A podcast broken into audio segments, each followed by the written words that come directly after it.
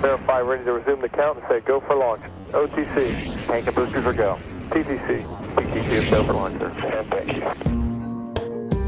Velkommen til Rumsnak, en podcast om rumnationen Danmark og de danske rumaktiviteter inden for både forskning og forretning. Mit navn er Tina Ibsen. Jeg hedder Anders Høgh Nissen. Spænd selen og start nedtællingen. Vi er klar til affyring. one, zero, and liftoff. All right, uh, lift off and the clock has started. Velkommen til Rumsnak, hvor vi denne gang tager turen fra Jorden og ud forbi Mars, Jupiter, Saturn, Uranus og Neptun. Helt ud forbi Kuiperbæltet, der hvor rummet for alvor er ved at blive mørkt og tomt. Men så tomt er det trods alt heller ikke. Og faktisk så er der også nogen, der tror, de har fundet en helt ny planet derude. Planet 9 eller Planet 9, som den kaldes indtil videre. Vi har haft besøg i studiet af Mike Alexandersen, der er astronom på Minor Planet Center i Cambridge, Massachusetts, øh, for at høre lidt mere om planet 9. Eller i hvert fald de observationer og simulationer, som har givet anledning til hypotesen om bonusplaneten derude. Må jeg bare lige sige, at jeg godt lide ordet bonusplanet. Det, ja, der, er- der er et eller andet med bonus, og der er Anders. Min bonusplanet her i Rumsnak. Derudover skal vi selvfølgelig også have et par aktuelle nyheder, og måske også en enkelt bonus eller to, måske endda en bonus-bonus og en bonusplanet, dengang blandt andet om en privat månemission. Jeg hedder Anders Bonus Hø Nissen.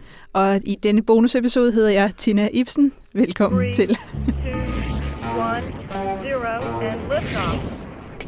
Det var meget fjollet. Det var meget, meget fjollet. Ja. Men øh, Anders, ja, hvis vi skal i gang med bonus, bonus, bonus og bonusnyheder, så tænker jeg, at øh, du får lov til at starte med at lægge ud. Tak skal du have. Og det skal handle om månemissioner. Fordi som nogen måske kan huske, så har det været nogle hårde måneder for månemissioner på det seneste. Der var en indisk lander, der hed Chandrayaan-3, som kun nåede nogle få ture deroppe, inden det gik galt. Og selvom det så også lykkedes at få kontakt til det japanske Slim-fartøj her i januar, så var der lige nogle nervøse dage efter landingen, hvor det så ud som om, at Slim var uden strøm og derfor ikke kunne operere deroppe. Og endelig, og mest spektakulært katastrofalt, så måtte folkene bag det private månefartøj Peregrine fra firmaet Astrobotic jo give op og lade Peregrine falde ned mod jorden og brænde op igen i atmosfæren efter en skade på fremdriftssystemet. Faktisk så er det slået, stået så slemt til, at Helle og Henrik Stub, altså Stuberne som vi kalder dem, har skrevet en hel artikel om, hvorfor det til er så svært at landsætte fartøjer på månen, og om vi måske har glemt alt det, vi kunne i 60'erne og starten af 70'erne. Øh, den har de skrevet over på videnskab.dk, og det linker vi selvfølgelig også til. Men nyheden denne gang er, at der nu er fornyet håb om en landing på månen, og igen denne gang med et privat fartøj. Odysseus er bygget af firmaet Intuitive Machines, som har hjemme over i Houston, Texas, og det blev den 15. februar sendt afsted mod månen i lasten på en Falcon 9-raket fra SpaceX. Den 675 kilo tunge lander kom godt fra start og har sendt en digital tommelfinger opad og sine første fotos hjem fra turen videre mod månen. Her skal den første i omløb og bagefter forsøge at lande i krateret Malapert A tæt på månens sydpol. Med sig har Odysseus seks forskellige NASA-instrumenter og seks forskellige pakker fra andre kunder, herunder noget særligt isolerende materiale fra Columbia Sportswear, som de vil teste deroppe, og ja, jeg tror, det handler mere om PR, end de vil til at lave sportstøj til månemissioner, men altså, det er også øh, med i lasten. Jeg tænker, at du vil være oplagt. Altså, hvis de siger, test it on the moon, så er du first in line. Du står i kø for at få fat i det, når det bliver brugt her på jorden. Jeg skal bare afsted, ja. øhm, ja, og derudover så er der også øh, et lille sæt øh, skulpturer af Jeff Koons. Det har vi også nævnt tidligere her i Rumsnak med på Odysseus fartøjet. I talende stund, der ved vi faktisk ikke, hvordan det er gået. Planen er at lande den 22. februar, og af forskellige produktionstekniske årsager, så er det altså efter vores deadline, selvom episoden udkommer efter den 22. Så vi krydser fingre, og så må vi øh, vende tilbage til det og se, hvordan det er gået i næste episode. Ja, følg med hos NASA. Ellers. Præcis. Ja. Hvad har du med til os, Tina? Jeg har øh, starten på science-missioner med. Sådan. Ja, fordi den 14. februar, Valentine's Day, der begyndte Euklid sin første, øh, sine første videnskabelige observationer. Altså selvom rumsonden blev sendt afsted allerede sidste år i sommeren, så har den været igennem test, og det man gør der, det er jo, at man tester, jamen, øh, virker alle instrumenterne, kan vi pege den rigtige vej, og alt det her. Og faktisk de her første ja, 8-ish måneder, jamen der har det bare været at teste systemerne. Men den 14. februar, der gik det altså for alvor i gang. Øh, og det er der, hvor man starter det, man kalder science-missionen, eller øh, science observations. Og i løbet af de næste seks år, der vil Euclid altså observere milliarder af galakser og prøve at følge den her 10 milliarder år lange kosmiske historie.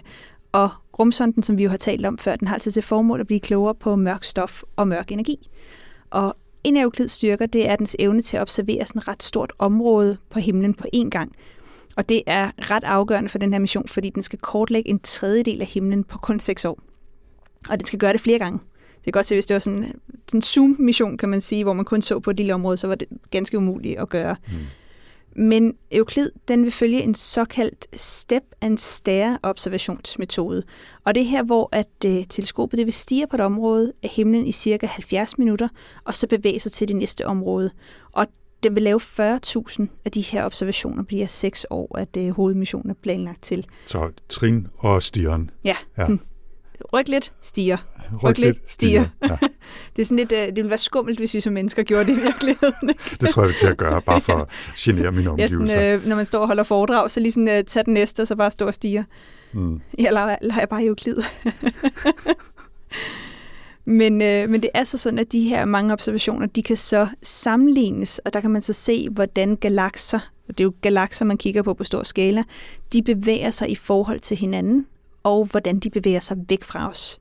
Og ved at prøve, øh, både prøve at kigge på deres bevægelse, men også den her øh, acceleration væk fra os, der håber man så på at blive, blive lidt klogere på, jamen, hvad er det for nogle egenskaber, mørk stof har? Kan vi prøve at begrænse de ting, vi ved om mørk stof? Altså, som vi har talt om før her, er det, er det koldt, er det varmt, bevæger det sig hurtigt, langsomt, er det måske nogle store partikler, nogle små partikler, eller hvad? Man håber på at kunne finde de der grænseflader lidt mere, og ved at kunne finde nogle grænseflader, kan man måske blive klogere på i forhold til mørk stof.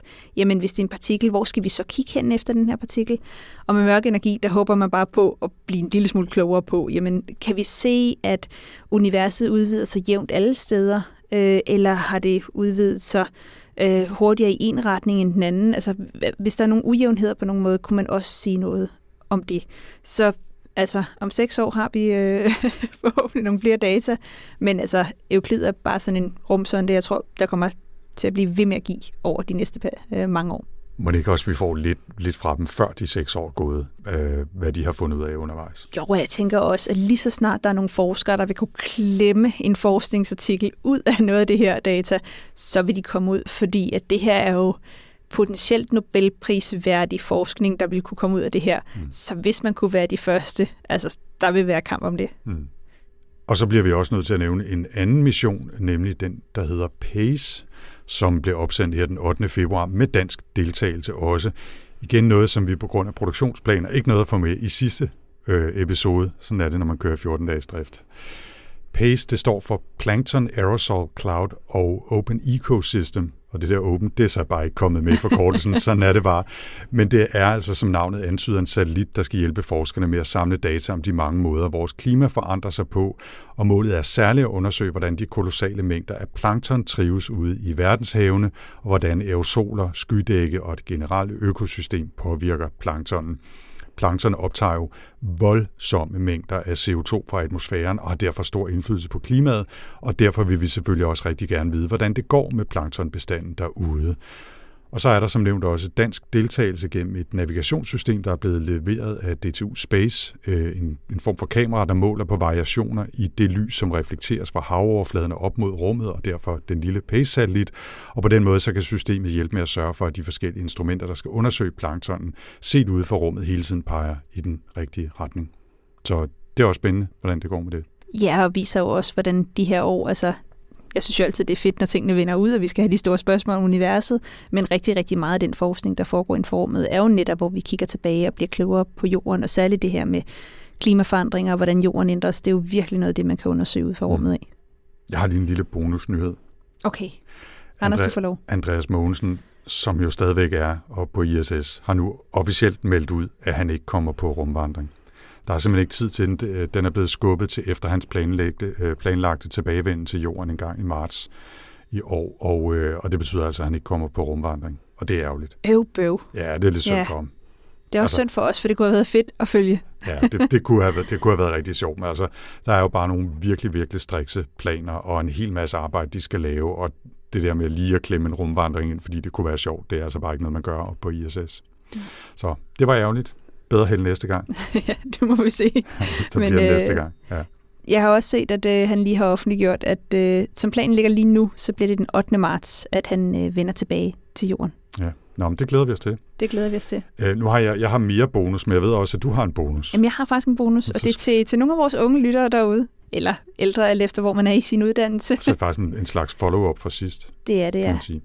Øhm, fordi det er sådan, at øh, lige nu, der har ESA åbnet for deres Young Graduate Trainee-stillinger. Og netop sidst, der talte vi med, øh, med Louise Fischer nede fra ESOC, der jo netop havde sådan en, en Young Graduate Trainee-stilling.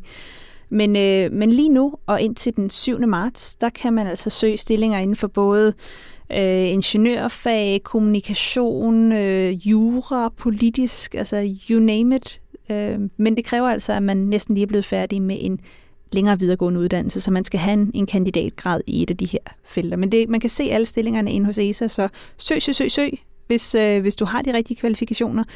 Og når du så har fået pladsen derude, så send øh, os en, øh, en invitation, så kommer vi ned og besøger dig. Ja, det Til en snak. gerne. Gennem Rumsnaks historie har vi jo talt med en hel del af de her young graduate trainees, både øh, foran mikrofonerne og, og ved siden af, og, og det virker som om, at dem, der gør det, er super glade for det og får enormt meget ud af det, fagligt og med netværk og så videre. Ikke? Så, så søg, søg, søg, og hvis du får det, så ping os lige, så vi kan enten komme på besøg, eller, eller i hvert fald lave et interview.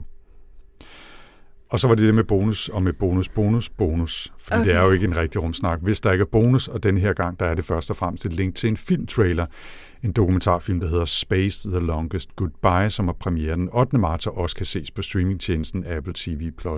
Og da jeg nævnte det, så sagde du, ja, men den har jeg jo set. Men er den god så?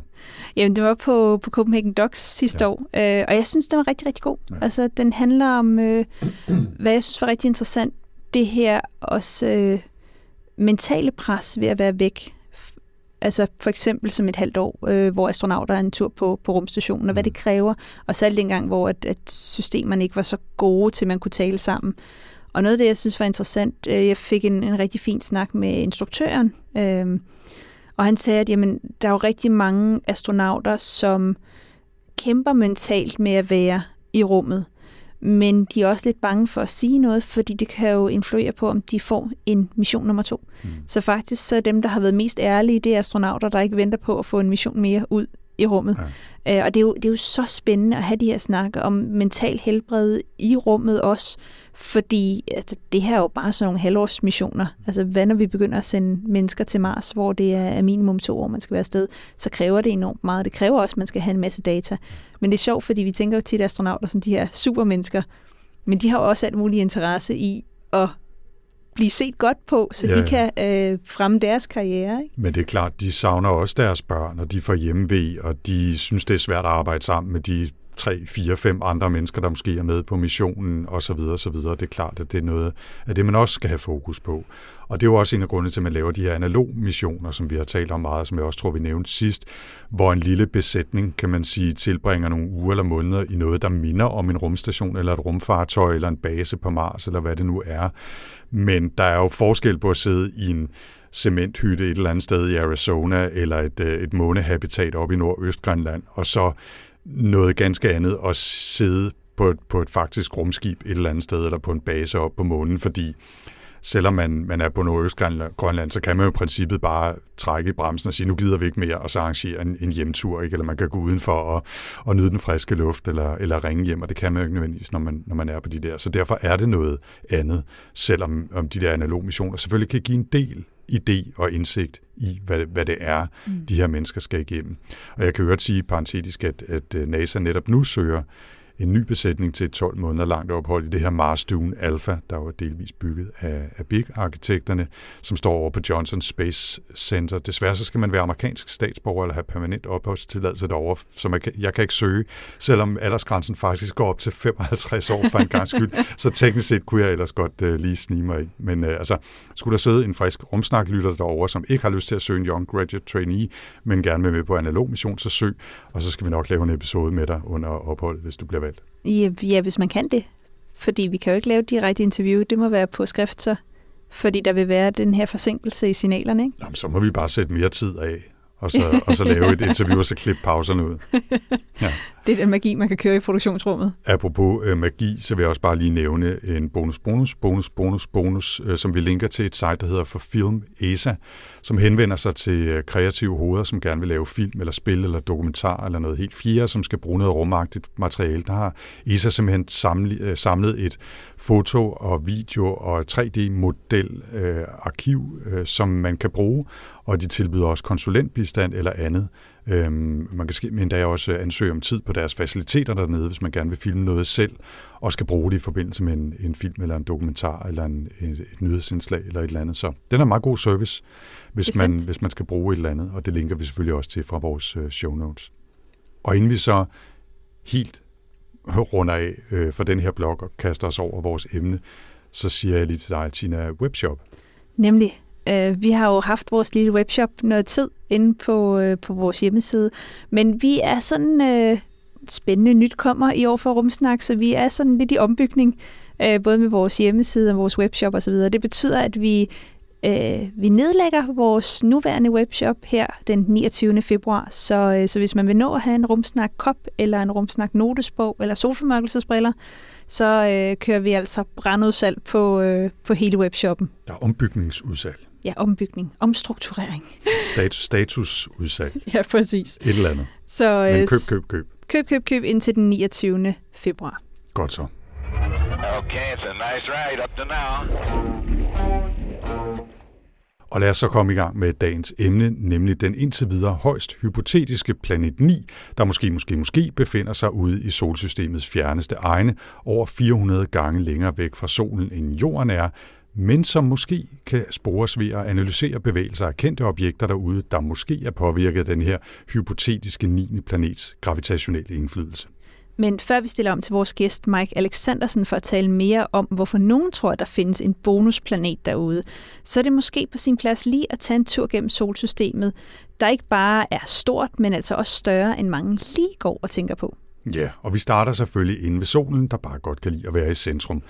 og tættest på solen, der finder vi først Merkur og Venus, så har vi som bekendt Jorden, den tredje planet fra solen, i en afstand af gennemsnitlig 150 millioner kilometer, eller det vi også kalder for en astronomisk enhed, en AU.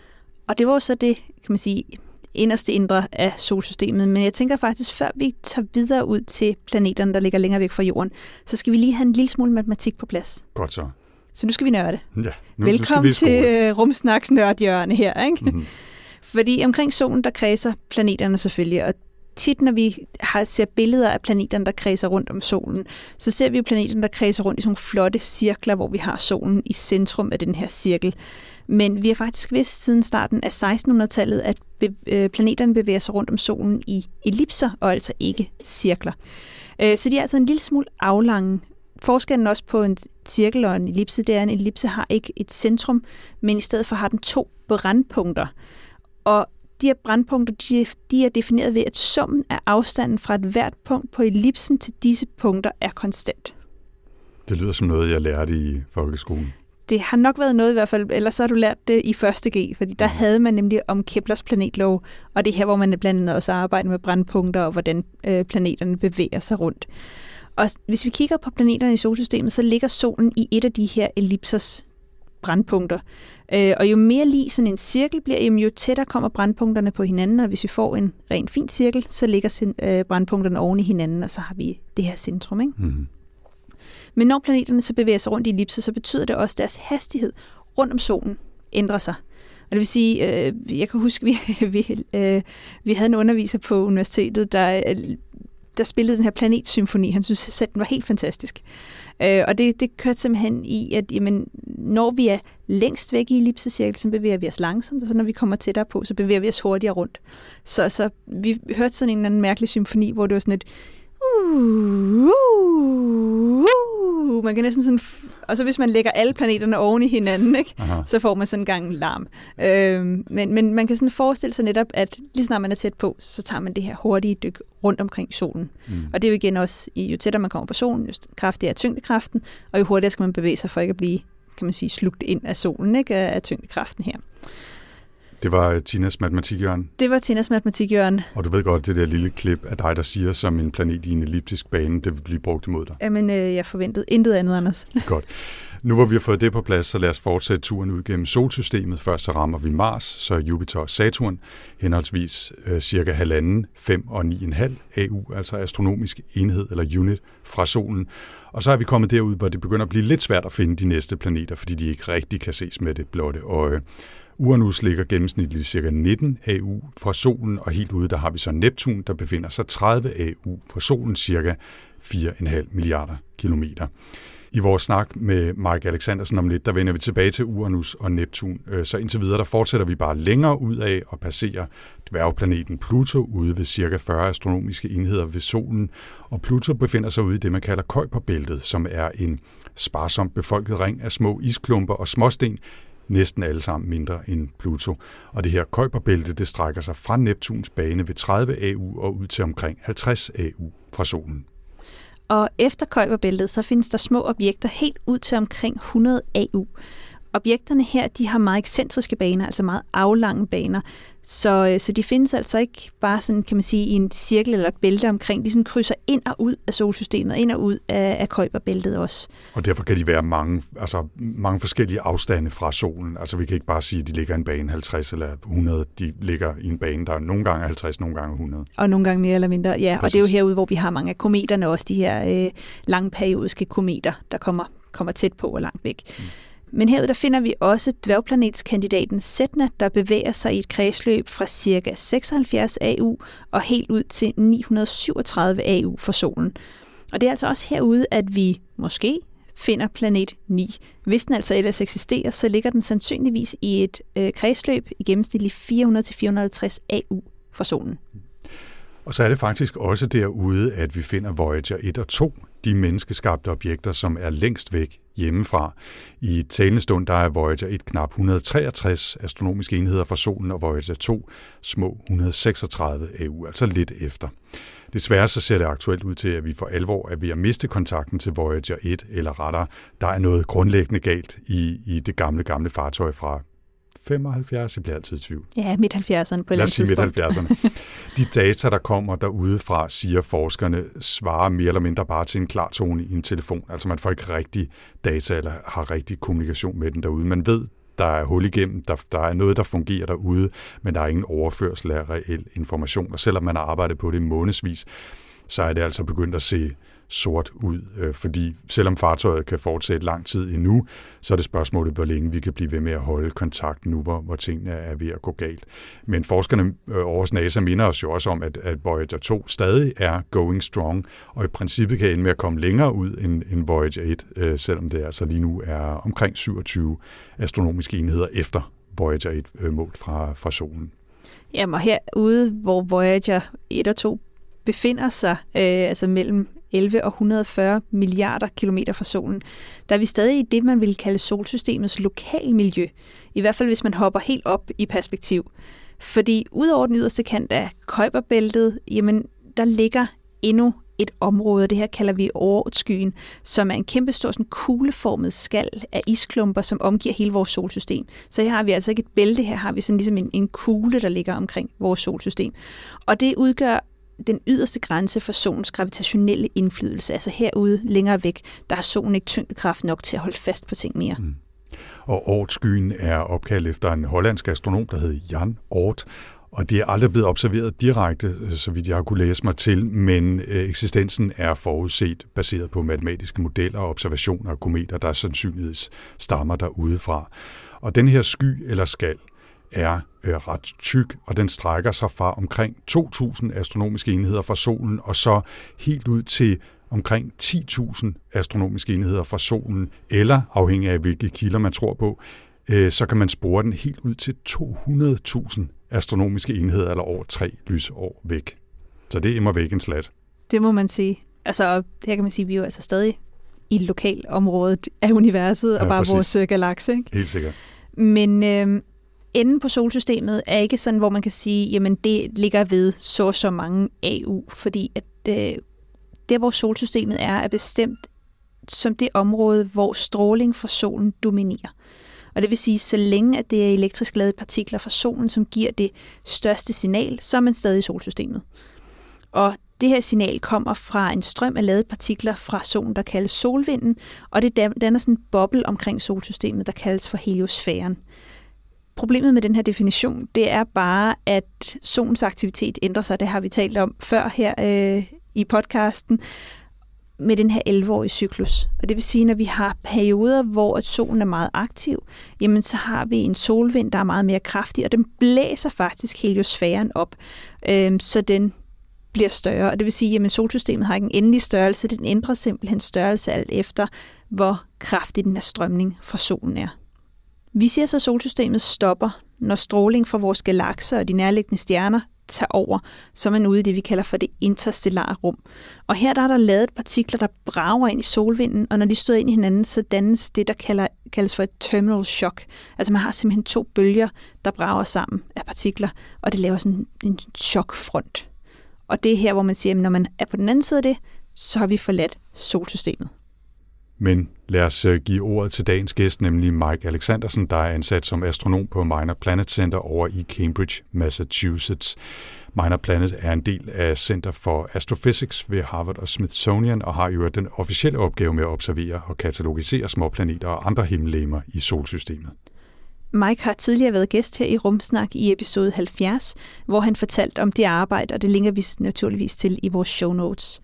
Men den her gang, der skal vi længere ud – helt ud til omkring 450 astronomiske enheder fra solen i jagten på planet 9. Først begynder vi dog lidt længere inden ved kendte planeter som Uranus og Neptun. Opdagelsen af dem kan nemlig også være med til at illustrere, hvordan man overhovedet kunne få den idé, at der ligger en 9. planet langt, langt ude i yderkanten af solsystemet. 5, 4, 3, 2, 1, 0, and liftoff. Uden for Saturn, der kendte man jo i mange år til noget som helst. Merkur til Saturn, alle de planeter, dem kan vi jo se med det blotte øje på himlen. Men Uranus og Neptun blev først rigtig fundet, efter man systematisk begyndte at kigge efter ting uden, uden for Saturn. Uranus blev opdaget i 1781 af William Herschel, fordi at han kiggede på den samme del af himlen flere dage i træk og opdagede, at den her tegning, han havde lavet af, af stjernerne, der var altså en stjerne, der havde bevæget sig. Um, og så indså han jo, det, det måtte jo være ikke en stjerne.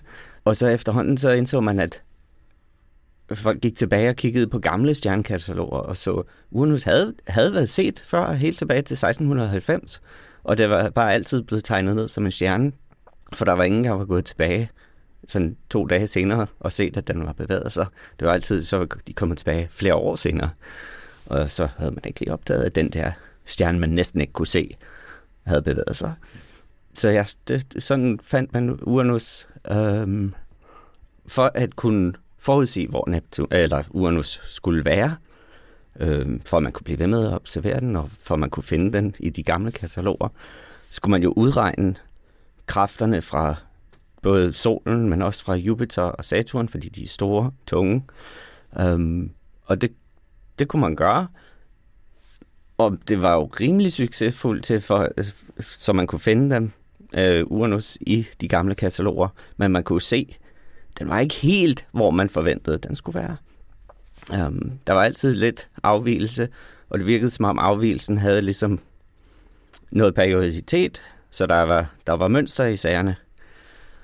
Og der var, der, efterhånden, så kunne man jo så begynde at regne, regne på det så der var øh, to matematikere, en i England, øh, John Adams, og en franskmand, Urban Lavaria, som regnede på det og ligesom forudsag, at hvis man lagde en planet ude længere væk end, øh, end Uranus, så kunne det forklare det her mønster, man så i øh, Uranus' bevægelse.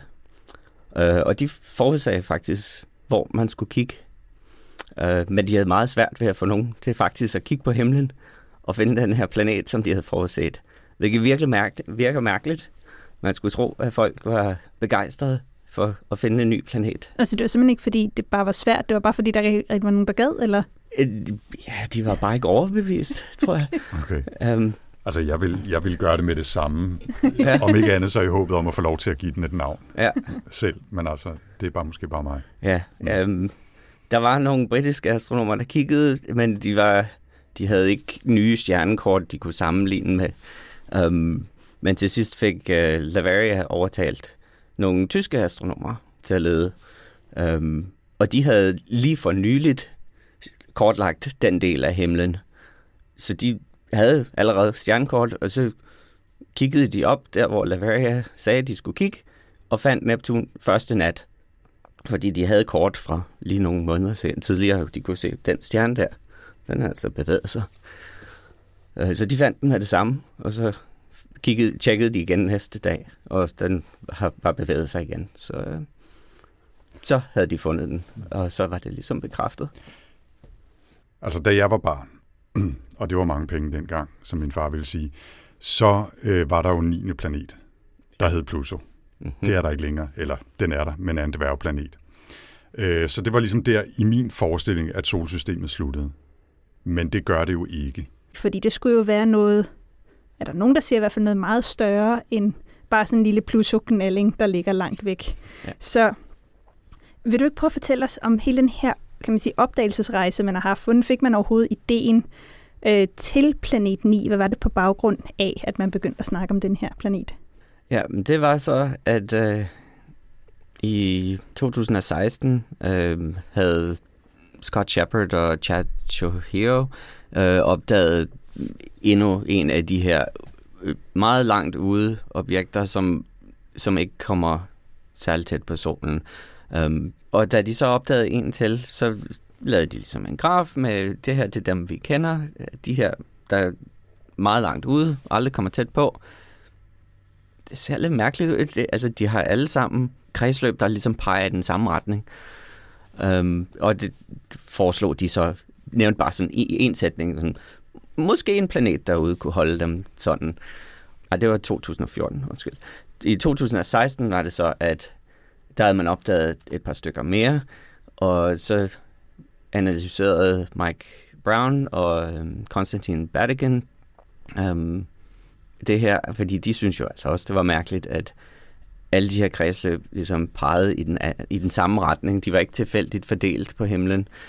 Um, og de analyserede jo så, at hvis man stak en, en, en stor planet ud ved nogle hundrede astronomiske enheder fra solen, så kunne den ligesom holde på dem og sørge for, at de alle sammen pegede ud i den samme retning. Um, skal jeg forklare lidt, hvad jeg mener med, at de alle sammen peger i samme retning? Gerne. Så læmer kredser om solen i en ellipse, så der er jo, de kommer tæt på solen i den ene ende af ellipsen, og de kommer langt væk fra solen i den anden ende af ellipsen. Um, så alle de her, jeg tror det var seks objekter på det tidspunkt, um, den retning, hvor de ligesom kom langt væk fra solen, pegede alle sammen ud i den samme retning væk fra solen. Og der, hvor de var tæt på solen, var alle sammen i den samme retning. Og umiddelbart ville man jo forvente, at de måske bare var tilfældigt fordelt. Um, Så, så basalt set bare lige for, at jeg er med også her, Ja. ikke Mike? Altså, øh, det er nødvendigt, eller det er i hvert fald øh, hypotesen, det er nødvendigt, at der er et eller andet stort og tungt derude, som sørger for at holde de her andre objekter i deres bane på den måde, ja, øh, og har gjort det i, i lang tid. Ikke? ja, Og det er derfor, man siger, at der må være noget. Fordi hvis det ikke var der, så ville de pege i alle mulige retninger Ja. og, have, og, og have forskellige baner. ja, Ja. lige præcis. Okay. Um, med tiden, det var jo så i 2016, med tiden har vi jo så, har folk opdaget af flere objekter, og det passer stadigvæk rimelig okay, at, at de ligesom peger ud i en retning, hvilket jo måske sådan cirka 120 graders fane, så det, man, hvis man lige kigger på det, kan man godt se, at ah, er, er det virkelig klostret på den måde, at, at det er øh, indsnævret, men det er ligesom alt sammen i en retning, og ikke så meget i den anden retning. Det ser også ud som, at de ligesom er sammenklumpet omkring et, et fælles plan, som ikke er, er det plan, som resten af solsystemet ligesom ligger i. Um, så alle de der kredsløb peger ud i den samme retning, og ud i den samme retning ud af planet, um, så de ligesom er i de der 10 til 30 grader væk fra solsystemets plan. Alle sammen i den samme retning. Um, så det er ikke kun, at de ligesom peger ud i den samme retning væk fra solen, men også i forhold til, øhm, Til plan. til, til planet. Mm. Øhm, at de danner sådan et, et plan, hvor man så tænker, at det, det er det plan, som planeten så er på, også øh, ud i den modsatte retning. Øhm, Og, og man, vil, man kan forklare deres retninger, hvis man siger, der ligger et objekt derude af en vis størrelse. ja, øhm, det, er der, det er der i hvert fald nogen, der mener. Øhm, Fair. der, der i hvert fald to grupper har øh, lavet simulationer, hvor de viser, at hvis der er en planet på, på en hældning og ved omkring 15 grader og har sådan et lidt, lidt aflangt kredsløb, en 300 øh, astronomiske enheder fra solen, hvor det aflange kredsløb peger ud fra solen i den modsatte retning, så, så kan det ligesom beholde øh, den øh, struktur, fordi netop at lemmer, der kredser om solen på sådan nogle aflange kredsløb, de bruger jo mest af deres tid i de ydre dele, hvor de bevæger sig langsomt, og så bevæger de sig hurtigt, når de kommer ind forbi solen.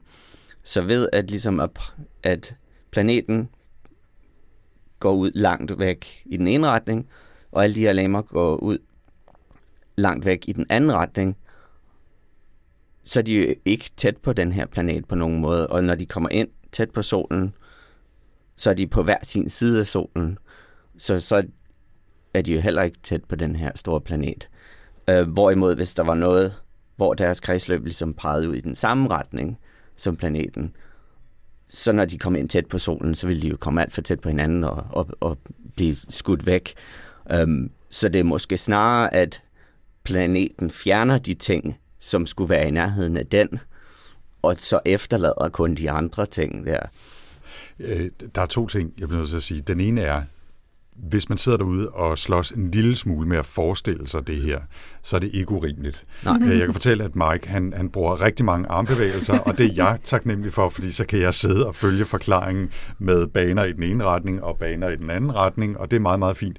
Det kan man jo ikke, når man sidder og lytter til det. Nej. Så vi lægger selvfølgelig i vores show notes øh, et par fine grafikker, som illustrerer øh, ideen om det her med de forskellige øh, elementer derude, objekter derude, og ideen om, hvor- hvordan øh, Planet 9 skulle øh, indflyde på deres baner osv. Så, videre. så det, det skal vi nok hjælpe med.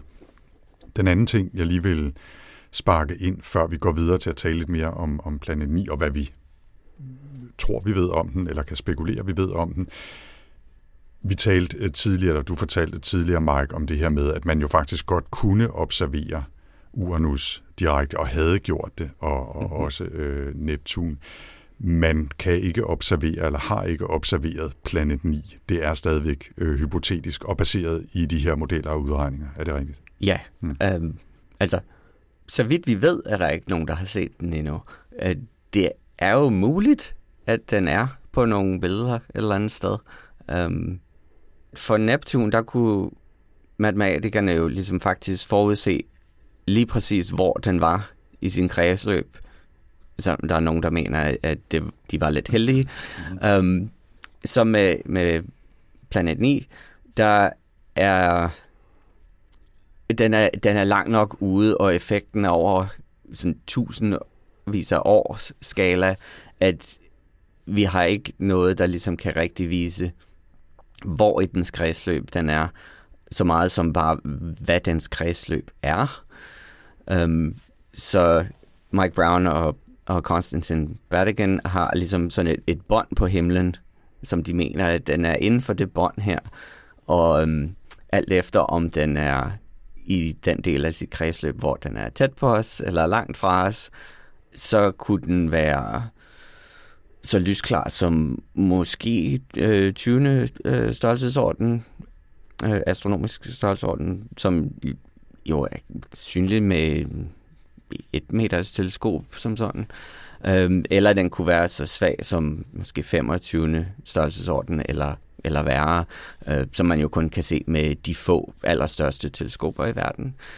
Og desværre mener de, at den sandsynligvis er i den del, hvor den er længst væk fra os lige nu, og derfor er kun lige på grænsen af, hvad vi måske kan se. Mm. Ja. Men vi har i hvert fald ikke set den endnu. Nej. Nej. Nej, jeg tænker også, altså noget af det, der jo selvfølgelig er udfordringen her, det er jo, man ser, man ser jo resultatet, eller man ser de effekter, som den her planet så kunne have på sine omgivelser. Øh, og det er jo selvfølgelig så svært, når man skal gå tilbage og sige, jamen, hvad er det så, der har, har, har skabt de her effekter, som vi ser.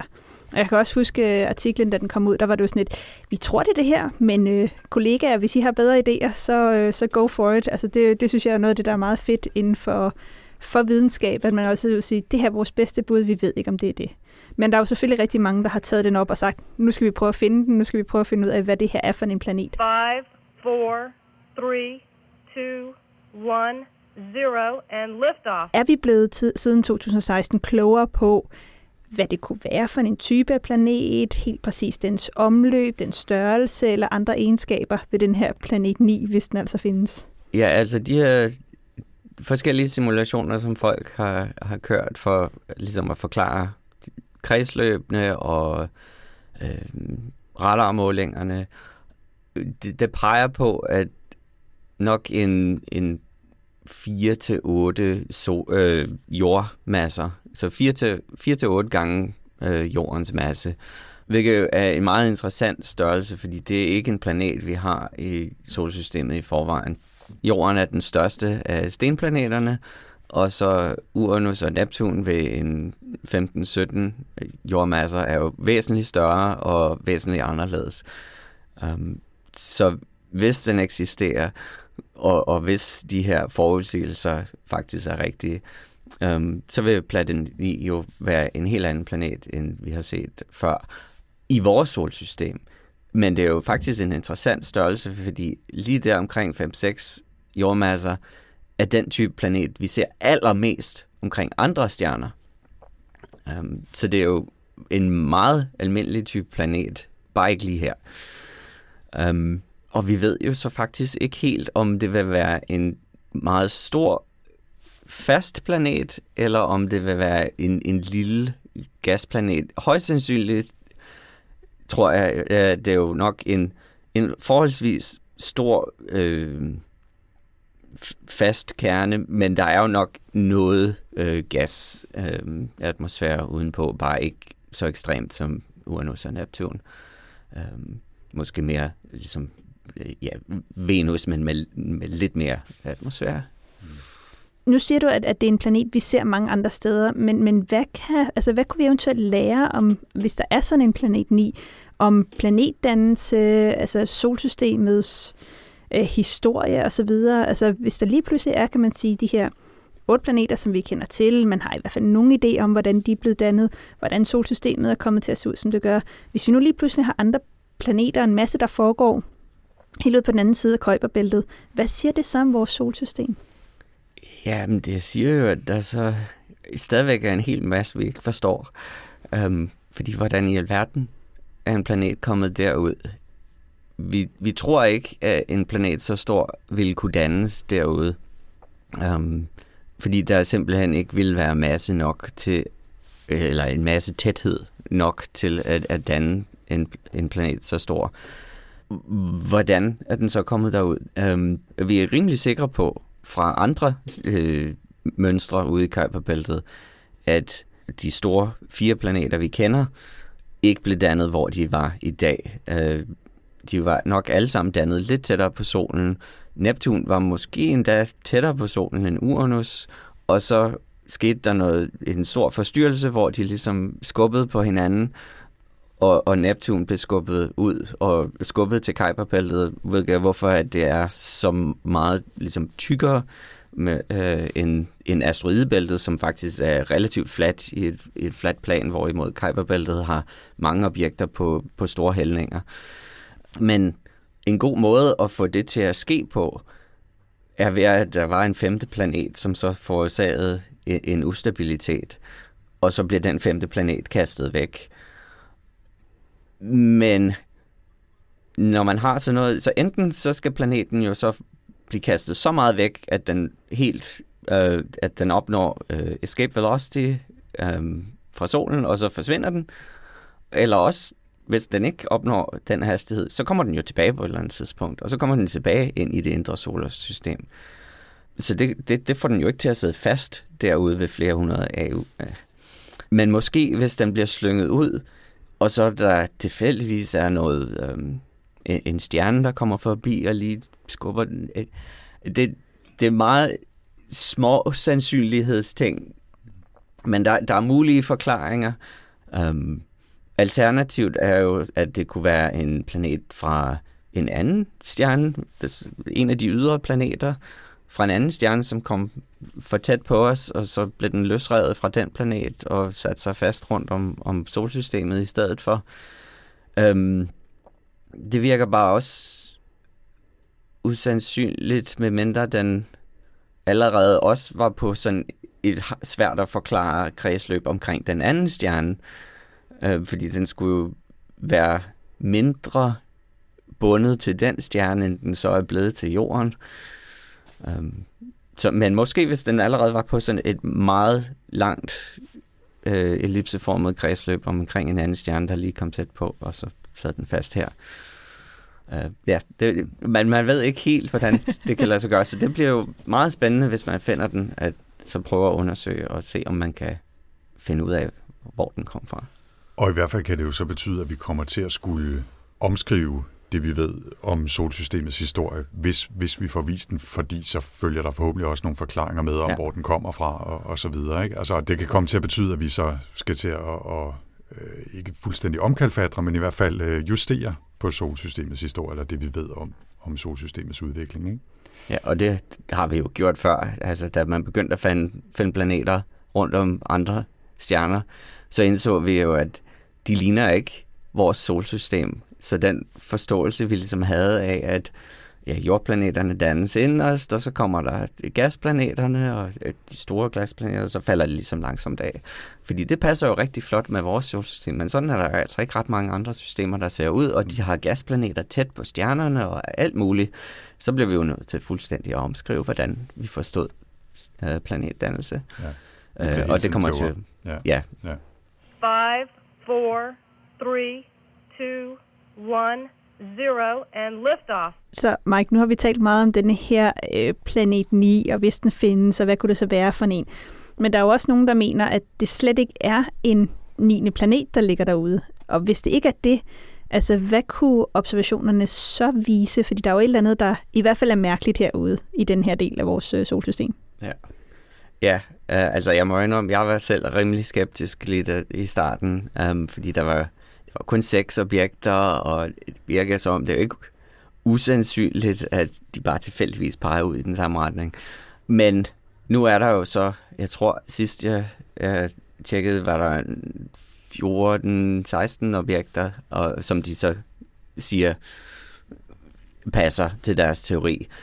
Um, men de skærer, lidt, de skærer lidt i det, for at få det til at passe. Um, men så er der jo så også nogen, der, der mener, at det jo bare er, at man har set objekter der, hvor man har kigget. um, fordi at der, hvor de her objekter kommer tættest på solen, i den retning, fordi de jo alle sammen er sammenklumpet i en retning, det passer rigtig godt med, at det er øhm, sommer på Hawaii, hvor rigtig mange af de her ting jo er blevet fundet. Og den retning, hvor man ikke ser nogen, det er vinter, vinter på Hawaii, hvor der er sne, og det faktisk er svært at få noget som helst til at virke. Um, og, og også ligesom den, gala- øh, den retning, hvor galaksen ligesom lige skærer igennem solsystemets plan. Og det, det passer også meget godt med, at det ligesom er også i den retning, hvor man ikke rigtig ser så meget. Um, og, og der kigger vi jo ikke. Der kigger vi ikke efter ting, fordi der er jo rigtig, rigtig mange stjerner, så det er svært at se ting, der bevæger sig. Um, så det passer lige med, at der, hvor man ser alle de her objekter, det er der, hvor vi altså også kender flest alle mulige andre ting. Um, så der er jo nogen, der øh, ligesom har, når de har lavet deres øh, projekter og, og let efter øh, objekter har simuleret, at hvis man havde sådan en helt homogen fordelt donut, og vi så observerede med, med det projekt, som vi nu engang har, har gjort, så siger simulationen, at vi skulle have fundet så og så mange objekter i den og den retning, og det passer jo rigtig godt faktisk med, hvad vi så. Så der er, der er mindst to af de relativt store projekter, der har fundet mange Kuiper Belt-objekter, der har sagt, at det vi fandt, de, de langt ude øh, objekter, vi har fundet, passer altså fint med bare en, en homogen donut, mm. øh, udsat for vores øh, observation bias. Fordi ja, så man, det, man finder det, man leder efter, er det, ja, du siger egentlig, ikke? Eller ja, man kan lede efter. Altså, hvis man ja. står og kun kigger i en retning, så finder man ting derovre.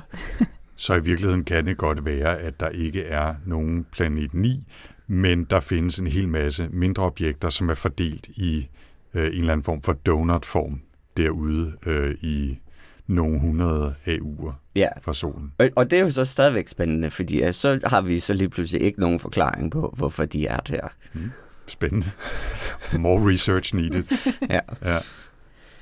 Så måske, måske ikke er der planet 9. Hvad er det næste, der skal gøres? Nu har man jo let efter flere af de her øh, objekters mærkelige baner, der så ville kunne forklare øh, planet 9 i den modsatte retning. Men hvad er næste skridt, hvis vi skal sådan blive klogere på, om den er der eller ej? Ja, altså flere af, af de her objekter på, på de her ekstreme kredsløb, for at vi ligesom kan styrke statistikken og se, om det, om det holder, at de alle sammen peger i en retning. Øhm, især ville det være godt med nogle, øh, nogle undersøgelser, som kiggede i andre retninger, som måske observeret i februar. Øhm, det er jeg del af et projekt, der har forsøgt, og det, det fungerede ikke i år heller. Fordi at, uh, ja, i år var det så faktisk, fordi kameraet gik i stykker. um, men ja, flere objekter, flere projekter til at finde dem. Men allerbedst ville jo være, hvis man rent faktisk fandt planeten. Og det, og det er der øh, mindst en gruppe, som jeg ved, der arbejder på. Øh, Mike Brown og, og Konstantin Vatican, som jo ligesom har været de store fortalere for, at der er en planet. Øh, de bruger rigtig meget tid på Subaru Telescope til at lede efter øh, planeten i det der bånd, hvor de mener, den er. Øh, de kan kun bruge de netter med de allerbedste øh, vejrbetingelser øh, der på Hawaii, så de, de er ikke nået så langt. Jeg tror måske kun, de er 30-40 procent øh, af vejen igennem det, de gerne vil observere. Øhm, og de sagde også, at del af det bånd, det går jo igennem galaksen, så øh, selv hvis den er der, så er det muligt, at de ikke har set den, fordi de er måske kun øh, 80% øh, effektive til at se ting derinde i galaksen, hvor den måske bare er ovenpå en stjerne, der er bag ved den. Så kan man ikke se den. Um, men ja, hvis den er der, så er der forhåbentlig nogen, der finder den snart. Uh, for der er, der er folk, der leder, så hvis den er der, så bliver den nok fundet inden for de næste 10 års tid. 5, 4, 3, 2, 1, 0, and liftoff. Og det fortalte altså her Mike Alexandersen fra Minor Planet Center over i Massachusetts. Og med det er Rumsnak landet for denne gang. Hvis du vil vide mere om Planet 9 og solsystemet og de nyheder, vi havde med i denne her episode, og også vores bonus og bonus, bonus, bonus, så husk at tjekke show notes til podcasten, hvor vi selvfølgelig linker til hele balladen. Og så vender Rumsnak selvfølgelig tilbage igen. Næste gang, der skal det handle om noget med rummet, som vi selv siger. Ja, i næste episode, der skal det handle om rummet, igen her i Rumsnak. Husk, I hørte det første gang lige her. Hvis man i mellemtiden gerne vil vide mere om Rumsnak, så kan man finde os på Facebook, Instagram og LinkedIn. Og hvis man har et spørgsmål eller en kommentar, så kan man skrive til os der, eller sende en mail til infosnablagrumsnak.dk. Man kan også læse mere om os på vores egen hjemmeside rumsnak.dk, hvor vi også har vores lille butik, som snart lukker med Rumsnak merchandise. Husk også, at hvis du synes, det har været spændende at lytte til Rumsnak, så er du meget velkommen til at dele med familie, venner og andre nysgerrige. Rumsnak er støttet af Otto Münsters Fond og bliver produceret af Potlab. Jeg hedder Anders Høgh Nissen. Og jeg hedder Tina Ibsen. Tak for denne gang.